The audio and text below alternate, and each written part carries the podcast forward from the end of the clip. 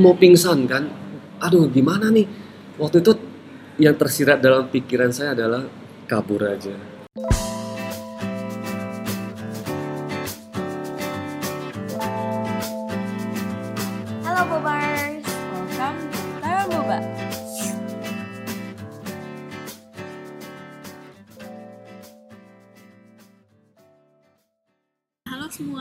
jadi balik lagi di Taiwan Boba, podcast yang bakal cerita tentang kehidupan di Taiwan, sekolah dan kuliah dan semuanya. Nah, episode kali ini spesial banget. Eh, aku bakal bawa guest star yang rumah sangat berpengar berperan dalam journey perkuliahan aku. Nah, orang itu spesial banget dari nggak bisa Mandarin sampai mempersiapkan murid-murid untuk datang ke Taiwan. Tamu spesial kali ini adalah Lausu Jeffrey. Yeay. halo semuanya nama saya Jeffrey biasa dipanggil Laus Jeffrey Hmm. Terus eh, kenalin eh, dikit dong Lausu tuh siapa? Sekarang pekerjaannya apa? Hmm. Eh, saya kerjanya ya guru Mandarin. Saya asalnya dari Pontianak. Jadi dari kecil sampai SMA lulus itu di Pontianak.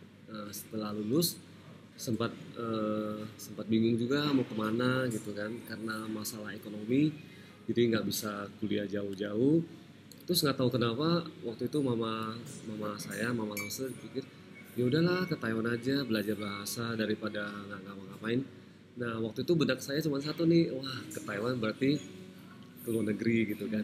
Dulu eh, ya terus terang saya dari keluarga nggak punya gitu kan, jadi cuman tinggal di Pontianak aja. Nah sampai ke Jakarta aja nggak pernah. Nah jadi ya kepikir, wah ke Taiwan berarti naik pesawat. Ya. Ah. Jadi udah senang banget ya. Oke lah mau ke Taiwan senang banget. Nah jadi ya akhirnya saya sampailah ke Taiwan. Jadi ya sampai ke Taiwan ya rencana cuma les les Mandarin Hmm. les Mandarin eh, cuman eh, sampai ke sana berapa lama kemudian saya baru sadar ternyata uang yang saya uang yang saya bawa itu sedikit banget Eh, Hmm. jadi untuk bayar uang les Tempat eh, tinggal. u- untuk bayar tempat tinggal uangnya tinggal cipai kuai taipi Wah. cuma tinggal beberapa ratus NT saya bingung shock nah waktu itu zaman itu berarti tahun berapa ya tahun 1988 Oh, belum lahir tuh aku. jadi nggak ada nggak ada handphone eh, jadi kalau ada apa-apa mesti telepon Hmm. telepon juga mahal jadi salah, sa- salah satunya adalah tulis surat dan itu butuh waktu. Saya bingung kalau saya suratin mama saya bilang nggak punya duit ya gimana nih? Mama paling bilang ya udah kamu pulang aja kalau uangnya habis gitu kan. Jadi saya pikir gimana nih ah, waktu itu saya nggak bisa Mandarin. Terus terang Mandarin saya minim banget hampir nol gitu lah. Jadi akhirnya ya udah saya putusin saya harus bertahan. Salah satu caranya adalah nggak tahu kepikiran dari mana. Pokoknya waktu itu lagi makan saya pikir ya udah kerja aja. Kenapa kerja di restoran? Karena kalau kerja di restoran pasti ditanggung makan dong. Benar. ya berarti eh, yang penting makan udah udah teratasi ya sisanya udah oke lah gitu kan. Tapi saya nggak bisa Mandarin gimana Hmm. dong kerjanya? Terus saya lihat-lihat di restoran itu ternyata kayaknya ada yang lowongan untuk untuk Cuci. ya cuci Hmm. cuci piring kan. Karena saya lihat ada satu apek gitu lagi jongkok di situ cuci. Nah saya pengen tuh cuci aja gitu karena saya nggak bisa ngomong kan. Hmm. jadi saya tungguin habis makan saya tunggu sampai jam 2 jam 3 kayaknya udah sepi banget restoran tuh nggak ada siapa-siapa lagi. Datanglah saya ke kayaknya itu bos kayaknya dia lagi hitung duit kan. Jadi saya ke sana saya bilang laupan wo sambil tunjuk tempat nyuci Cuci. itu Eh, terus si bosnya nggak ngerti pokoknya dia nggak tahu ngomong apa gitu nggak jelas ngomong Mandarin kan.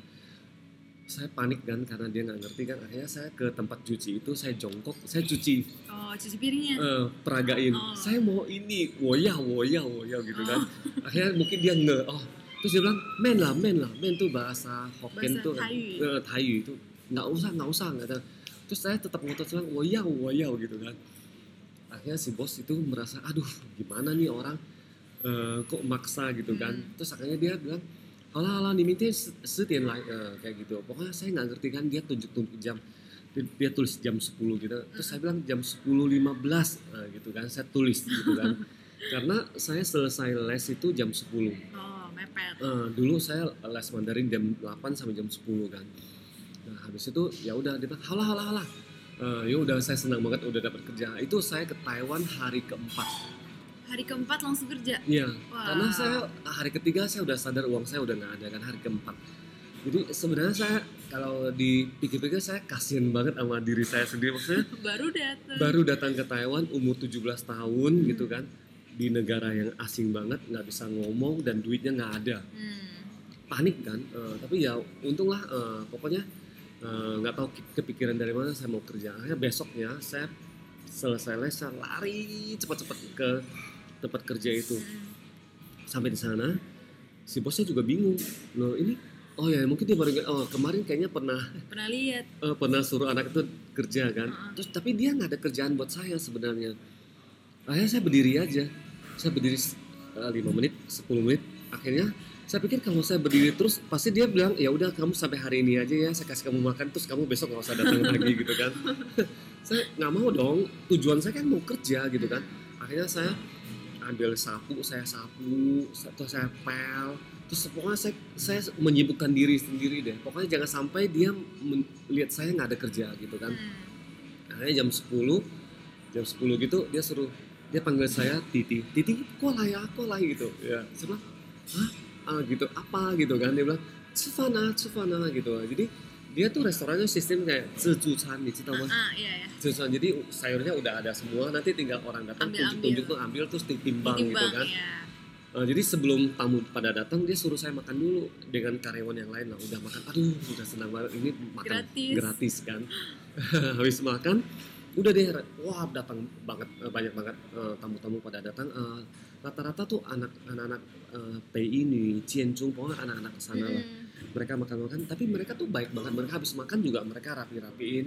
Eh, waktu itu zamannya belum belum milah-milah sampah Oh, belum fenlay belum fenlay tapi mereka udah sampah-sampahnya mereka eh, beresin sendiri terus buang sendiri. Sebenarnya saya tuh nggak nggak punya kerjaan sebenarnya. Ah. saya paling gelap-gelap mejanya gitu kan. Eh, habis itu udah paling ambil sayur dari dapur ambil ke depan Ah, gitu. taruh. Taruh aja. Jadi kerjanya sebenarnya simple banget. Nah habis itu jam jam 2an gitu udah sepi udah nggak ada siapa-siapa lagi. Ada kan makanan masih sisa banyak tuh. Nah titi kok lah ya Cefana Oh, makan lagi. Udah kedua. Udah kedua kan? Nah dari jam 3 sampai jam 5 tuh waktu istirahat. Hmm. nah saya tuh nggak berani ke mana-mana untuk walaupun istirahat kan? Maksudnya harusnya saya pergi keluar saya jalan-jalan. Tapi saya takut kalau keluar diberhentiin. banyak godaan. Bukan kan Oh, istirahat. Eh, jadi boleh saya keluar tapi saya nggak mau keluar. Saya saya bilang enggak ah saya saya tunjuk ke lantai atas. Saya bilang gini gini mau baca buku gitu kan. Terus saya keluarin buku saya dia lihat buku saya sampai ketawa-tawa karena itu Gampang buku banget. simple banget. Kayak belajar cuma ni hao ma gitu gitu kan terus dia baik banget dia nyalain AC buat saya belajar. Habis itu udah eh, dia istirahat eh, sampai jam 5 eh, udah mulai lagi nih eh, jam 6 mulai ke- kerja sih jam 5 tapi udah mulai siap-siap gitu kan. Dia titi kok lah ya. Cefana ketiga kali udah kali saya makan. Habis itu udah mulai kan rame lagi rame lagi rame lagi sampai jam 8 jam 8 malam gitu lah. Habis itu udah eh, udah sepi masih sisa banyak makanan kan. Titi ya Boleh. makan lagi empat kali. Empat aduh kali saya bilang sehari. betul banget kerja di sini. Udah eh, jadi eh, hidup saya dari pagi jam 8 sampai jam 10 les. Jam terus habis itu jam 8.15 sampai malam jam jam 9 gitu saya kerja. Sabtu Minggu juga itu selama 8 bulan begitu terus Hmm. kebayang nggak saya walaupun di Taipei saya nggak berani ke mana-mana karena saya takut nggak punya duit jadi benar-benar teman-teman saya udah main sampai ke Taichung, Tainan, Kaohsiung ke mana saya nggak selama 8 bulan hidup saya cuma begini terus Hmm. jadi setelah di sana eh, eh, enam enam bulan lah saya udah mulai pikir saya kayaknya nggak mau cuma les saya mau kuliah Kuliah. Terus tulis surat ke mama saya mau kuliah. Terus akhirnya apply apply waktu itu caranya harus balik lagi. Balik lagi ke Pontianak untuk isi form segala macam. Jadi setelah saya 8 bulan les di sana saya pulang kan saya pamit sama bosnya. Bos eh, saya mau pulang nih mau pulang untuk apply untuk eh, kuliah hawa hawa hawa Eh, waktu itu udah bisa ngomong Oh, udah udah 8 bisa bulan udah 8 bisa ngomong udah Wih. udah bisa komunikasi Cepet dong. jadi kalau kalau mau belajar Mandarin cepat memang kayak gitu Hmm, dipaksa jadi ya. dipaksa kepepet gitu kan karena semuanya orang Taiwan semua Hmm. jadi ya udah setelah 8 bulan pokoknya saya eh, eh, saya bertekad mau pulang mau mau apa mau apply untuk kuliah saya pamit dong ke bosnya bosnya bilang halah Ana nih mitin saya mulai besok ke sini lagi ya sebelum ke airport. Sudah how dia besok langsung ke sana lagi. Si bos sudah baik banget. Dia siapin satu kantong gede banget. Oleh-oleh gitu. Oleh-oleh. Dia bilang saya tahu nih mau main tongsi ini nih mau cian dia bilang "Eh, ini cek kini ini papa kayak ini mama kini ini cie cie kini ini tiki kayak ini semua dibeliin. Wah wah, wah saya ah, terharu. kantong terharu banget. Ya udah pulang Pontianak pulang Pontianak habis itu apply apply apply habis itu balik lagi. Balik lagi ke ke Taiwan. Eh, habis itu kerja lagi beberapa bulan ya tiga atau empat bulan. Di tempat dia? Eh, tempat itu lagi. Eh, setelah itu eh, waktu itu jalan satu-satunya untuk kuliah. Sekarang kan banyak jalurnya. Dulu cuma infopan. Oh dulu Hmm. ada info Eh, infopan cuma satu jalur. Oh. infopan. Jadi eh, jadi sampai waktunya langsung masuk ke infopan. Eh, waktu itu di Chaotang di Linkou. Eh, sampai ke sana eh, tes setelah tes dapat eh, masuk NTU saya baru berhenti kerja karena jauh kan Eh, jadi restoran saya itu di dekat eh, di Nanchang Jie namanya Xiang Men Zhijuchan Hmm. Eh, sampai sekarang masih kontak sama bosnya karena Wah. dia adalah salah satu orang yang sangat Berjasa. sangat berjasa Hmm. Nah, jadi ya singkat cerita ya udah saya eh, dapat NTU ya akhirnya habis NTU saya kuliah tapi saya juga nggak berhenti di saya tempat nggak itu. eh, nggak nggak berhenti kerja gitu maksudnya. Setelah masuk NTU berapa lama? Ya sebulan dua bulan saya merasa kayaknya saya juga harus kerja nih. Tapi pelajaran juga berat banget Hmm. gimana nih? Akhirnya kita beberapa orang lah berenam. Berenam kita pergi ke NTU punya. Dulu seberang NTU tuh ada di Hook itu ada Kentucky. Ah, Kentucky. tapi pernah ada. kebakaran kayaknya. Terus nggak tahu diganti jadi apa Eh, jadi eh, kita kerja di Kentucky itu bagian Tayepan Tayepan tuh kita kerja pas kita masuk Kentucky-nya udah tutup. Dia dia, dia udah istirahat kan Eh, eh, jadi kita yang bersihin meja kita yang nyapu kita bersihin eh, apa eh, apa dapurnya. Dapurnya. jadi satu hari cuma butuh tiga orang. Tiga orang. Kan kita berenam. Jadi akhirnya setengah-setengah. ya kita setengah. Misal hari ini saya kerjanya Senin Rabu Jumat atau Hmm. apa gitu lah jadi nggak berhenti kerja lah eh, jadi selama kuliah juga kerja kerja jadi empat tahun 8 bulan kerja terus ya kerja terus wah mantap laupannya bangga banget dong berarti titinya masuk ke Taita iya iya iya bangga banget sih ya. Iya, Oh, gitu. jadi Hmm. eh, jadi karena kepaksa juga karena kondisi ekonomi jadi Hmm. langsung kerja Mm-mm. itu juga salah satu faktor yang bikin Lause juga cepat gitu bisa Mandarinnya Iya, kalau menurut saya eh, belajar kalau cuma belajar Mandarin gitu-gitu kayaknya eh, harus praktek kan. Jadi ilmu yang kita dapat dari tempat les harus dipraktek. Salah satu praktek adalah kerja. Jadi selain kerja di Kentucky itu kalau kalau itu hari-hari biasa kan, tapi kalau udah libur gitu ya, misalnya hancia, hancia.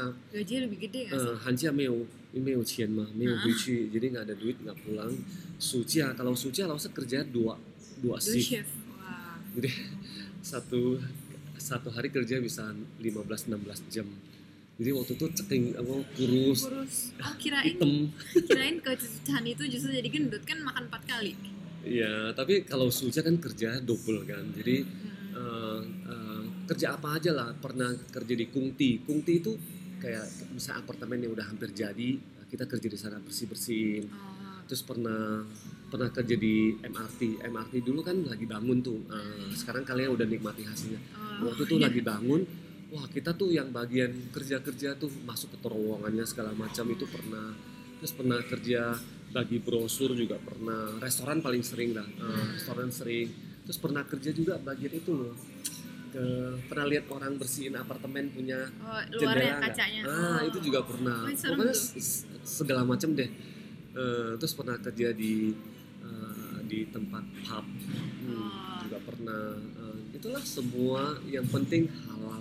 yang penting dapat duitnya yang penting dapat Hmm. duit, ya kayak gitu. tapi kalau flashback dulu berarti maminya udah ta udah tahu Taiwan Taiwan terkenal juga dong ya Dulu karena eh, mami merasa eh, di Taiwan ada cicitnya kan, Oh. ada cicitnya merasa eh, dulu zaman dulu nggak ada yang ke Cina ya, nggak ada zaman dulu eh, Cina belum top lah. Ya dulu ya udah ke Taiwan. Tapi ke Taiwan juga nggak banyak sebenarnya. Tu- tujuan mama mungkin cuma mau saya belajar bahasa Mandarin. ya. tapi akhirnya saya akhirnya kuliah jadi kuliah di sana. Nah, kayak gitu. Ya, berarti yang penting jiwa nekat ya? Nekat. Eh, tapi Nekat. yang penting harus harus harus rajin. doa. Oh, doa. Doa. Ya. jadi kalau kalau terjadi apa-apa harus doa. Itu penting banget. Itu bukan bukan saya ngomong gini bukan karena saya dari agama tertentu bukan, tapi Hmm. memang penting doa. Jadi gini, dulu waktu Lause eh, kuliah tingkat berapa ya? Tingkat tiga atau tingkat tingkat tiga kayaknya, Mm-mm. atau tingkat empat Lause lupa deh. Dulu adik Lause juga nyusul ke Taiwan. Adik saya yang cowok nyusul ke Taiwan. Dia baru ke sana dua minggu. Dua minggu dia udah sakit. Saya bingung dong, sakit apa ya? Panas, dingin, panas, dingin sampai akhirnya benar-benar lemes banget. Wah, saya sampai gendong dia rumah sakit? Eh, ke naik ta- naik taksi ke rumah sakit. Sampai ke rumah sakit dokter bilang ini panas banget. Dites kan dikasih obat eh, dikasih suntik untuk turun panas. Kasih makan obat diambil darahnya dicek. Ternyata adik Lause itu kena malaria. Oh. Malaria. Eh, pemerintah Taiwan panik. Eh, dokternya panik karena Taiwan bersih dari malaria. oh iya. Iya dia merasa wah ini harus dikarantina nih karena baru Eh, ya? baru. Ini penyakitnya udah lama banget nggak ada kan. Akhirnya eh, dia ngomong eh, bla bla bla gitu. Langsung nggak ngerti itu penyakit apa? Terus dicek ternyata oh malaria. Saya bilang malaria mah di Indo banyak. Santai aja. Tinggal dikasih obat apa sembuh gitu kan. Iya. dia bilang enggak di Taiwan itu nggak ada. Akhirnya adik Lause ditaruh di lantai paling atas. Ruangannya gede banget di karantina. Sampai dokter masuk aja kayak pakai baju kayak planet gitu. Oh, kayak kayak corona kayak sekarang eh, ya? kayak corona sekarang ya kan. Jadi saya bingung kok adik saya ini penyakit apa? Ini cuma malaria kan? Nggak nular juga Eh, nggak sih? eh, dia Nyamuknya. takut eh, takut. Ya jadi katanya oh, Taiwan juga nggak ada obat. Dia mesti minta obatnya dari pe- dari Singapura. Oh. Nah, sih ingat banget dia ngomong gitu. Akhirnya eh, waduh ini gimana nih? Ah, jadi seminggu setelah seminggu kayaknya adik saya udah mulai mulai sembuh. Tapi kan nggak boleh keluar kan? Dua minggu tiga minggu. Saya udah pusing banget. Akhirnya dia bilang kalau mau keluar boleh tapi bikin perjanjian nanti setiap bulan harus balik lagi ke rumah sakit dulu ambil darah. Dia mau cek benar-benar bersih udah gitu kan. belum? Coba boleh lah gitu kan. Jadi akhirnya ya udah adik saya diperkenalkan pergi keluar. Nah pas mau bayar tuh saya mau pingsan itu ya. Kan hampir sebulan tuh Heeh. di rumah sakit. Wah biayanya banyak banget. Itu berpuluh-puluh juta. Meo adik saya baru ke Dua Taiwan minggu dua ya? minggu. Jadi dia Meo Meo Chen Pao Kang Hmm. saya lihat biayanya kayaknya udah bisa beli satu rumah di di di, di. Pontianak. Wow. Benar-benar mau pingsan kan? Aduh gimana nih? Waktu itu yang tersirat dalam pikiran saya adalah kabur aja. Kabur aja. Saya tuh saya bilang sama adik saya "Eh, Koko nggak lari." Koko nggak punya duit nih kita kabur aja. Adik saya mah ya udah kabur. Gimana kaburnya? Kamu jalan di depan saya jalan di belakangnya. Kita pura-pura mau ke kantin apa terus kita kabur. Halah katanya. Ya udah akhirnya sampai setengah jalan saya pikir jangan deh. Kalau kabur ke- deportasi ketangkapnya pasti gampang banget. Karena mode Chen Cai Cai oh. Saya saya eh, adik saya masuk ke situ jaminannya adalah kartu mahasiswa saya. Gampang banget, gampang banget nyarinya. iya. Saya bilang jangan ya, saya pikir-pikir gimana caranya. Akhirnya, akhirnya saya bilang kamu ke kamar dulu. Saya pikir saya ke lantai satu, saya telepon telepon II saya nggak diangkat. Telepon teman-teman saya juga nggak diangkat pada kuliah semua kan waktu itu zaman dulu kan nggak ada HP pakai telepon kan terus saya bingung kalau pinjam duit juga siapa yang punya duit segitu banyak kan panik-panik sambil doa sambil doa akhirnya eh nggak usah lihat eh, kayaknya ada satu ada satu tempat eh, ditulis pokoknya kayak ada asosiasi untuk orang-orang miskin atau apa Se- waktu itu Mandarin memang nggak sebagus itu pokoknya kira-kira kayak gitulah. Heeh. akhirnya saya masuk dia bilang ya ini tempat eh, saya saya mau mau saya mau bilang adik saya masuk rumah sakit sini sebulan tapi saya nggak punya duit mau bayar saya dari keluarga nggak punya gitu gitu kan.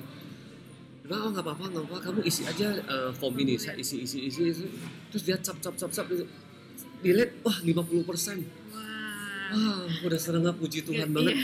tapi tapi sebenarnya 50 persen tuh Masih saya juga nggak nggak nggak punya nggak punya uang segitu kan.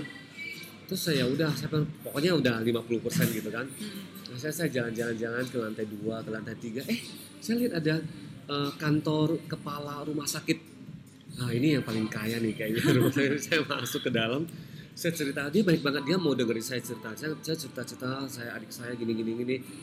Nah, terus setelah saya cerita panjang lebar dia bilang eh di lantai satu tuh ada loh tempat gini-gini. Setelah saya baru Udah. datang dari sana saya kasih dia kertasnya ini 50% untuk paling banyak. Oh. Udah itu udah kasih peringanan yang keringanan yang paling banyak Hmm. nggak bisa lagi. Terus saya bilang ya udahlah nggak apa-apa lah 50% ini saya tanggung tapi sekarang saya nggak punya duit. Saya benar-benar nggak punya duit. Saya bilang saya kuliah di NTU ya saya kerja. Kerja saya cuma buat hidup sehari-hari nggak punya duit. Karena eh, tadi saya udah bilang dari saya dari keluarga nggak punya kan. Jadi waktu mama saya kasih saya pertama kali ke Taiwan dia kasih saya 4 juta. Itu setelah itu nggak pernah kasih saya uang lagi. Oh, jadi biayain sekolah juga sendiri. sendiri Ya. semua sendiri. Jadi saya, saya pikir sa- saya gimana nih? Saya kan kasih tahu Yuan Chang ya kan kepala rumah sakitnya. Iya. saya bilang gini deh 50 persennya saya tanggung tapi saya kerja aja di rumah sakit ini boleh nggak? Atau eh, ngutang nanti setiap kali eh, summer eh, sucia hancia saya Iya. kerja aja dia bilang janganlah anak NTU eh, kuliah aja lah jangan kerja gitu gitu kan terus dia tulis tulis surat "Hmm, nggak tahu apa dia cap jadi semua biaya bebas Nol jadinya. nol cuman bayar uang makan aja kan adik saya kan Oh. makan pagi makan siang makan malam di sana Ah. kan caranya kenapa harus bayar karena uang ini eh, makan ini mereka tender dari luar bukan punya Oh, rumah sakit mereka beli juga. mereka beli juga bilang oh ya udah aduh pengen disembah itu Iya. baik banget jadi jadi eh, ya ya mungkin mungkin kalian-kalian nggak akan nggak akan ketemu case yang sama seperti saya tapi intinya adalah jangan cepat putus asa berjuang terus berjuang terus karena eh, nggak peduli kamu mau kuliah di NTU kayak atau di di di uni lain kayak eh, kita pasti pernah ketemu ya. Masalah. masalah Eh, jangan jangan jangan panik eh, jangan putus asa Eh, jadi eh, kalau kamu agamanya apa ya kamu kamu doa aja yang penting Ada harus doa jalan, harus ya. jalan jadi terus jangan jangan simpan sendiri cari temen Eh, cari teman yang bisa didiskusi gimana nih saya punya masalah gini gini bisa dibantu nggak jadi ya jangan jangan putus asa lah Gitu Aku berasa sih kayak kalau di Eh. Taiwan kita Hmm. jadi nggak bisa apa-apa, ya Hmm. harus bergantungnya sama Tuhan lah. Iya pasti pasti Kalau enggak mau ya. gimana? Mau gimana? kita Orang simpen tua sendiri, jauh, ya kan? iya. Eh. Nangis-nangis di telepon bisa apa juga. iya iya Oke oke. Hmm. Terus, oh itu tadi udah kuliah Hmm. ngomongin. Berarti kuliah juga empat tahun ya se? iya empat tahun Oh, Hmm, di NTU Hmm. lulus dengan tepat waktu semua lancar, Iya, lan. eh, puji Tuhan lancar. mantap. Walaupun nilainya pas-pasan. Hebat loh saya nggak sejago Jen, nggak sejago Hans ya. Saya pas-pasan. Ya, jadi dulu sebenarnya dulu pernah lost confidence. Jadi dulu waktu SMA sebenarnya saya lumayan jago. Jadi nilainya lima besar ada lah gitu ya. Setelah sampai ke Taiwan, setelah sampai ke NTU, kenapa jadi begini gitu kan? Iya, kenapa kenapa saya jadi bodoh ya? Jadi di kelas itu saya satu-satunya anak Indo kan. sama. Satu Malaysia, satu eh, satu Hong Kong, satu Auman, Eh, satu Auman. Satu paling bodoh gitu loh. Anak Malaysia tuh masih oke, Hong Kong apalagi oke-oke banget. Jadi kalau nilai dulu dulu sistemnya bukan di- sekarang kan lihat di komputer kan. Sis- Dulu sistem ditempel, ditempel kan. oh, Tapi nggak ada bisa nama. lihat. Oh, Nggak ada nama, cuma Xue Hao, cuma ini. Oh, iya, saya iya. cari aja yang paling bawah pasti nama saya di situ kan. Pokoknya s- ini nggak nggak pede banget. Hmm, aduh gimana nih? Akhirnya saya pikir-pikir saya nggak boleh nih nggak boleh terus menerus nggak pede. Hmm. saya bisa bisa gagal jadi orang nih gara-gara masuk NTU saya jadi nggak nggak ya. nggak pede gitu kan. Akhirnya eh, gimana nih caranya? Ya udah kerja. Kerja supaya saya punya confidence lagi kan berarti saya mampu dong. Kalau Hmm. eh, berarti saya sebenarnya orangnya mampu gitu kan. Yang kedua caranya adalah masuk organisasi. Waktu itu NTU ada namanya Ye Tao Si Oh, nah, Ye Tao bisa. Eh, Ye Tao kan. Eh, jadi saya saya lumayan aktif di sana. Kata orang tuh lu nggak ini? Nggak Eh, nggak nggak kumang mah gitu kan. Ya nggak kesibukan kan. Iya, iya. udah kerja udah harus belajar ke Ye lagi gitu kan. Tapi menurut saya di Ye tuh justru gara-gara masuk Ye Tause ya saya aktif di sana saya malah kepercayaan diri saya baik lagi. Iya, karena ya. saya dikasih tugas ini akhirnya saya, saya bisa melakukannya dengan baik. Jadi eh, waktu tak waktu saya tak eh saya jadi ketua Ye Tause Wah. ketua Ye Tause kan. Nah, jadi eh, saya merasa wah ya udahlah di pelajaran saya kacau balau kan. Dapat nilai 60 61 udah syukur gitu kan. Ya tapi yang penting di Tause itu saya bisa berbuat sesuatu Hmm. akhirnya kita mulailah uh, mulailah ini uh, uh, apa uh, program kita misalnya uh, ke ke apa ke Cichang ke airport jemput anak-anak Indo terus ke ke itu apa ke Chauta futau anak-anak yang ikut infupan Iya. ngajar mereka Mandarin uh, Hmm. uh, matematik segala macam uh, terus uh, itu ingsin uh, segala macam lah pokoknya program-program yang seperti kalian lakukan Hmm. sekarang Oh berarti dulu itu dari Lause ya? bukan dari langsung dari kakak kelas sih oh, sebenarnya udah Uh, turun temurun. ya terus uh, ya makanya turun temurun gitu Uh, jadi setelah tasan uh, tasan itu uh, uh, di dulu ada perpita tahu nggak Mm-mm. perpita Uh, selain jadi selain aktif di ya tahu saya juga aktif di perpita kan. Nah, waktu Tasan saya jadi ketua perpita. Wah. ketua perpita. Sem semakin sibuk. Hmm. Uh, jadi selama saya di perpita itu uh, banyak yang saya pelajari ya. Salah satunya saya pernah loh dulu malam-malam ditelepon sama kantor polisi. Katanya, "Ni se mau Han ma?" Saya "Oh, se. Ni kei lai jingcha ju? Sampai ke sana ternyata misalnya ada anak Indo yang berantem. Oh, langsung dipanggil. Uh, jadi uh, jadi zaman dulu setiap anak Indo tuh punya kartu nama saya. Eh, katanya kalau ada apa-apa, saya tuh walinya anak Indo, kan ketua perpita kan Iya. dulu kan. Jadi Uh-uh. kalau ada apa-apa, ya udah eh, mereka polisi panggil saya gitu loh, saya datang gitu. Eh, itu berantem, terus eh, kecelakaan misalnya, sampai ada yang meninggal. Dulu saya pernah ngurus ada anak anak Medan yang meninggal eh, naik motor kan itu pernah eh, jadi sedih banget tapi ya ya sebisa saya bantu lah Mm-mm. sampai ngurus papa mamanya datang segala macam. Pokoknya ya itulah perpita. Tapi menurut saya eh, bedanya bedanya perkumpulan anak Indo eh, ya dengan dengan anak-anak Indo yang di Taiwan dengan anak-anak Indo di luar negeri yang, yang di negara lain Uh-uh. itu itu di sini. Anak Indo itu ya yang di Taiwan itu dari dari Taiwan ya udah terbiasa eh, sampai ke Taiwan semua ada yang bantu ada Hmm. Suecang ada Suece yang bantu sih. bantu semuanya dari hal pelajaran dari segi hidup semuanya jadi kita merasa walaupun orang tua kita jauh ya family ya. eh, ada family dan mereka tuh baik banget jadi eh, masalah apa pun kita bisa curhat gitu lah ya Hmm. jadi walaupun bukan asli Suecang kita bukan asli Suece kita Iya. kita mereka juga care banget jadi dari situ jadi kita merasa di Tolong. di ditolong dicauku sama mereka akhirnya setelah kita jadi Suecang Suece kita balik balik orang cauku lain. mereka nah kebiasaan itu sampai akhirnya pulang Indo itu juga sama Oh. sampai di sini eh, nanti kalau kalian lulus dari Taiwan pulang ke Indonesia kalian ada di pasti dirangkul lagi sama alumni yang di yang di sini kita di sini juga banyak kegiatan ya kita sistemnya sama anak anak Indo yang di sana yang dulu semua cari kerja wah di sini banyak banget uh, Suecang Suece yang udah jadi big boss Nah, bersedia menampung dari Sabang sampai Merauke kan. Jadi itulah beda. Jadi kalau misalnya kalau kita lihat alumni dari Australia, dari Jepang atau dari mana pun, mereka pulang-pulang ya udah selesai. mm-mm. Tapi kalau kita yang, yang anak Indo ya yang di kuliah di Taiwan pulang-pulang kita masih panggil Suecang, Suecie. Eh, terus masih kumpul, masih sering ada reuni. Kalian tahu kalau reuni ya, kalau reuni di di di Jakarta atau di mana pun, hampir kita nggak pernah bayar loh. Hmm. Terus uangnya dari mana? Misalnya kita reuni di Sense, ya misalnya kalian yang pernah reuni deh, yang reuni di Sense atau di mana makan, wah 50 meja, 60 meja. Iya iya. Itu siapa yang bayar? Hmm. Itu semua suece yang punya, Yang udah laupan-laupan tuh yang Hmm. bayar. Jadi kita kita yang ya kita yang belum jadi big boss ya kita yang kerja. Misalnya eh, kita jadi panitia, kita sibuk ini sibuk itu, kita telepon cari dana. Misalnya, hey bos, kita mau reuni nih, gimana mau bantu berapa meja? 10 meja ya bos? Oke, 10 meja ada. Telepon lagi bos yang B, berapa meja? 5 meja? Oke.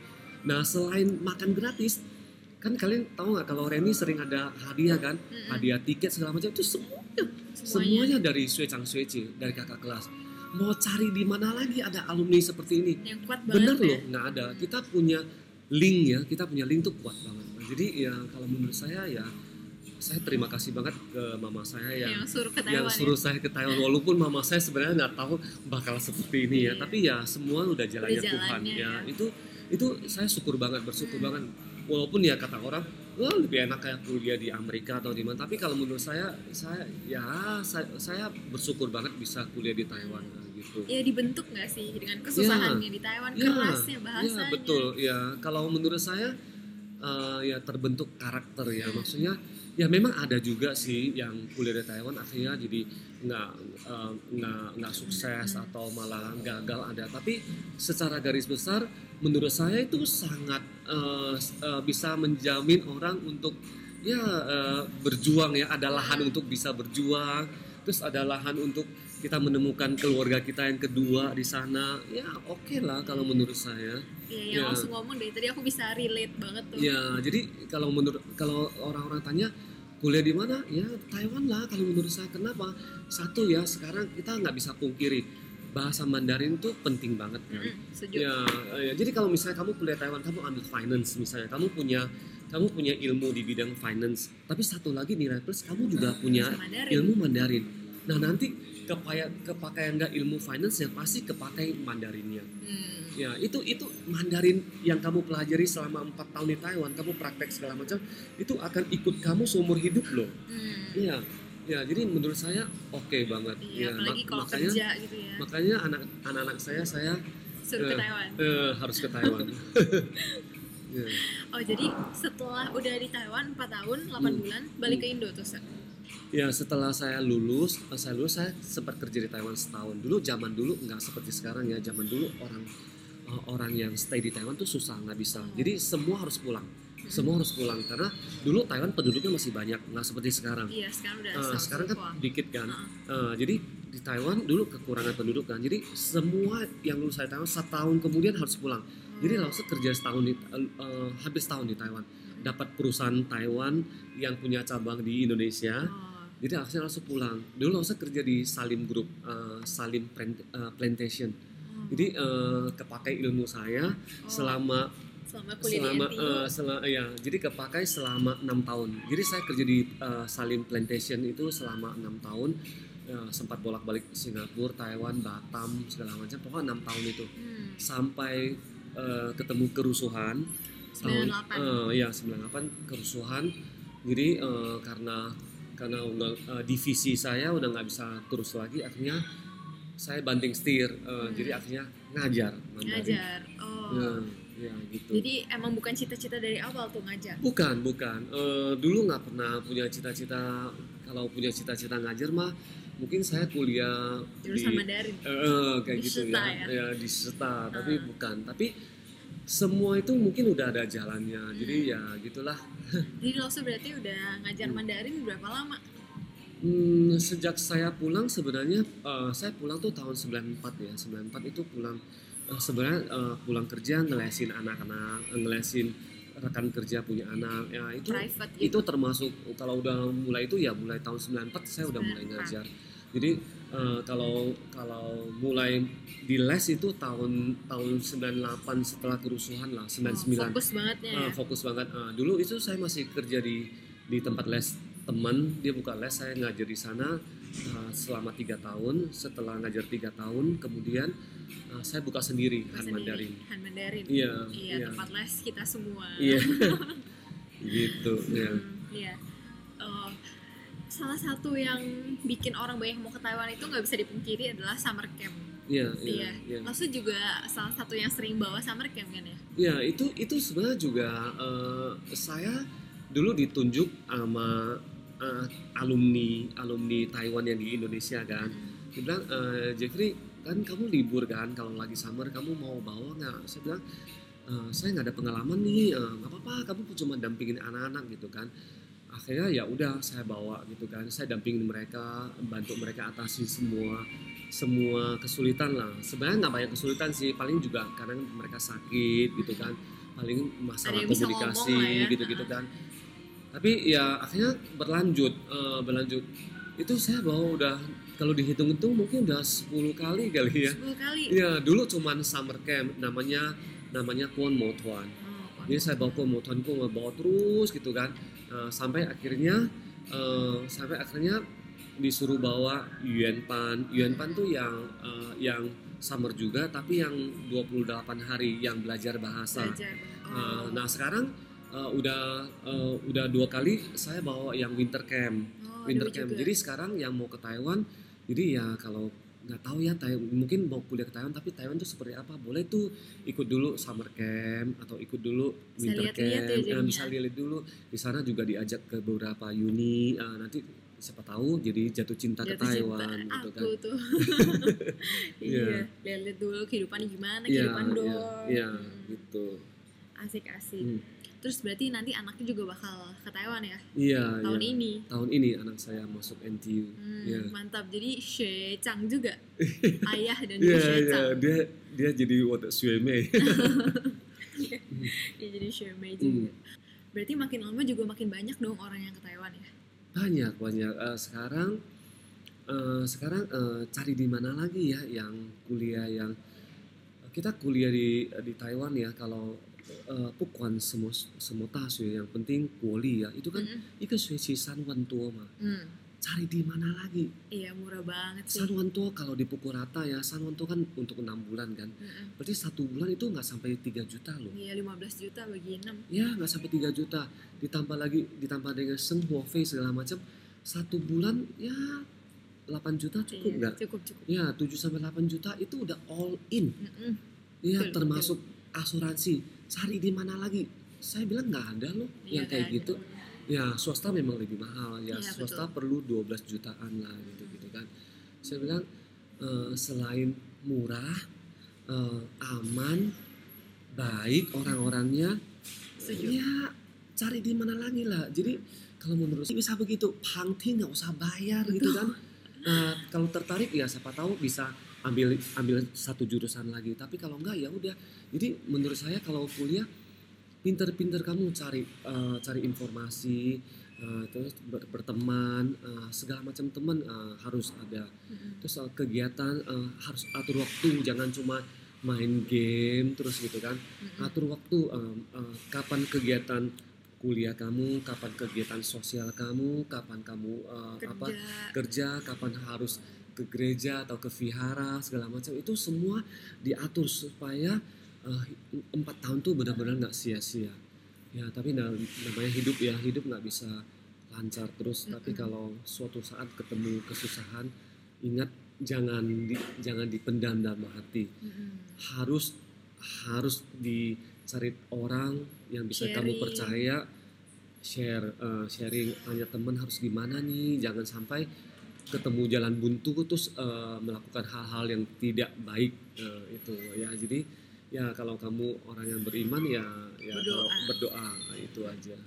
Wah makasih banget nih Loso udah kasih sama-sama. ujangan-ujangan buat kita. Kasih semangat dan juga pengalaman hidup mewah Iya. yang amazing banget. Segitu dulu episode kita kali ini. See you next time bobers. Bye. Bye